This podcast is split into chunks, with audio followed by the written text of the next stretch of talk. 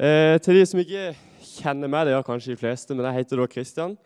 Eh, jeg er 17 år og jeg i andre klasse på KVS og er aktiv her på Åpent hus. Eh, I dag fikk jeg lov å komme og tale andre del av en taleserie som er kalt 'Du har en plass'. Eh, i forrige fredag da var Petter her og talte.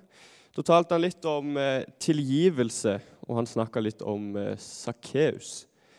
Eh, noe av det han nevnte da, det var det at hvis du, valgt, hvis du var en skuespiller og du skulle valgt eh, en rolle i en film, eh, ville du da valgt å hatt eh, en stor, stor rolle i en helt liten film, din egen film? Eller ville du valgt å hatt en mindre rolle i en av verdens største filmer, som f.eks. Harry Potter? Så ville du kanskje valgt å vært med i Harry Potter. Det er jo litt mer stas å kunne skryte av at du har vært med i Harry Potter enn en film du all, ingen har hørt om.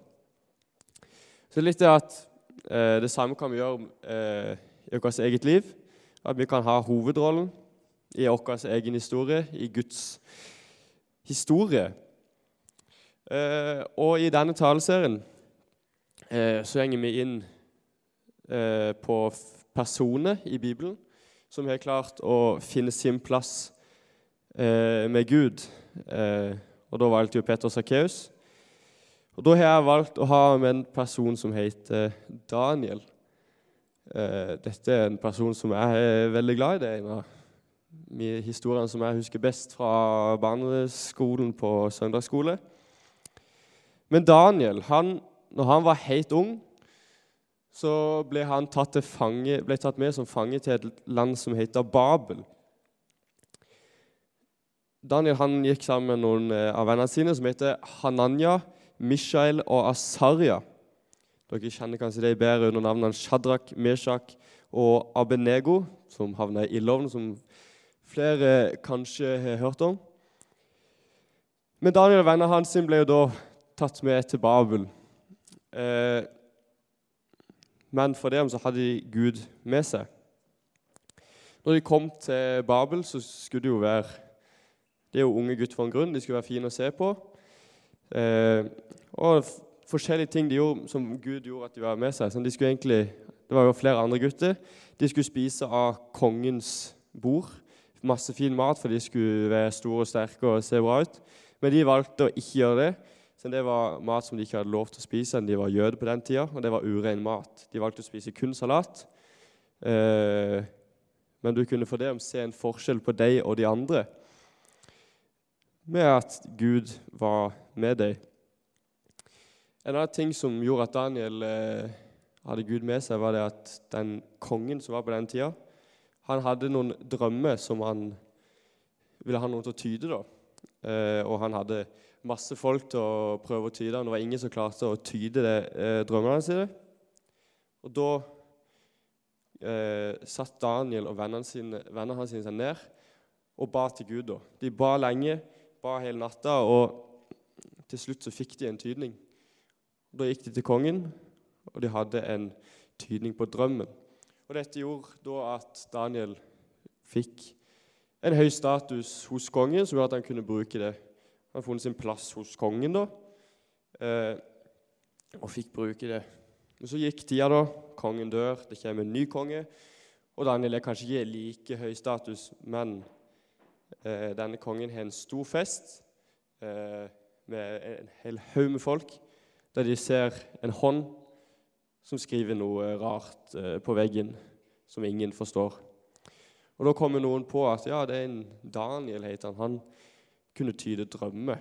Så da henta de han, og han kom for å se det som sto på veggen, og han klarte å lese det som sto på veggen. Og Da ble han igjen blitt tatt godt imot av denne kongen og hylla for det han har gjort der. Men så skjer jo det da at da blir den kongen drept. Eh, men så kommer det en ny konge, og da blir Daniel igjen godt likt. Og denne kongen han vil ha forskjellige folk til å hjelpe han å styre, så da har han tre ministre som han vil liksom skal være med og styre litt. da. Og da, da blir Daniel valgt til å være en av disse. Og når de styrer da, så er det helt tydelig at Daniel han skiller seg ut fra de to andre. Og da blir jo de misunnelige, så klart. sånn, De vil jo òg være like gode som Daniel. Og da må de finne på noe for å kvitte seg med Daniel.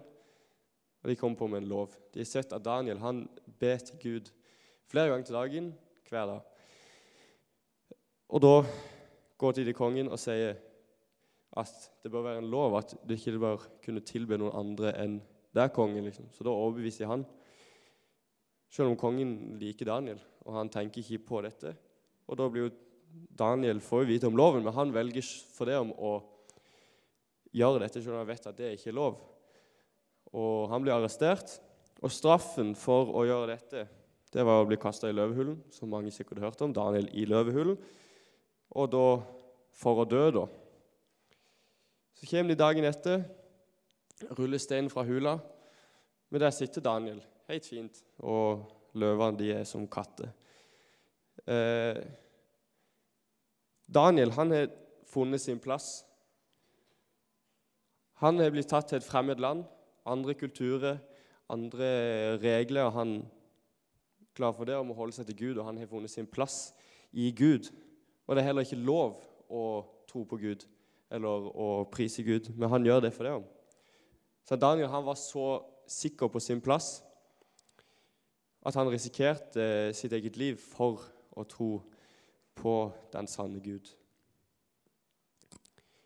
Men du har òg en eh, plass. Kanskje ikke du føler at du har en plass, eller du lengter etter å finne din plass. Men i Guds bilde så har vi en stor plass. Og som jeg sa at eh, Petter har nevnt, så ville du kanskje hatt en mindre rolle i Harry Potter eh, enn å ha hatt en hovedrolle i egen film. da så kan man nesten si som jeg sa, at vi er med i Guds bilde, så er vi med i verdens største film, og Gud er regissøren. Og I denne filmen så har alle hovedrollen. Alle har en like stor rolle, og alle er like viktige. Og Et eksempel jeg da pleier å bruke, er gjennom fotball, som jeg har brukt som mange kanskje har hørt. Men i første brev til korinterne kan du lese om forskjellige gaver som vi har fått. F.eks. at de som står her framme og lovsynger, eller at jeg står her for å opp, opp og tale, at vi er de som blir sett. Men dere som sitter i salen, er jo like stor plass. Eller de som sitter i lydbua. Kanskje ikke de mest synlige, men alle har en like stor plass. Og Det kan jo òg eh, da sammenlignes med et fotballag. At det er elleve spillere, men det er for det om ett lag. Og Hvis vi da tar f.eks. spissene, det er de som står på scenen. Det er de som får eh, oppmerksomhet, og det er de som skårer målene. Det er mange som tenker at ja, det er jo spissen som er viktigst. Men hvis du fjerner venstrebekken, som kanskje ikke er så viktig å gjøre så mye, så er det ikke det samme. Det er fordi om ett lag, og det er ett lag består av elleve spillere. Det er jo da det du kan ta med inn i livet, at du kanskje ikke føler at du har noe å bidra med, eller at du føler ikke du har en plass, så har du en like stor plass som alle andre.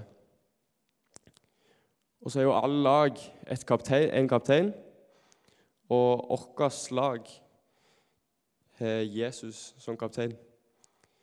Og Jesus går til vinnermålet helt på slutten, på overtid.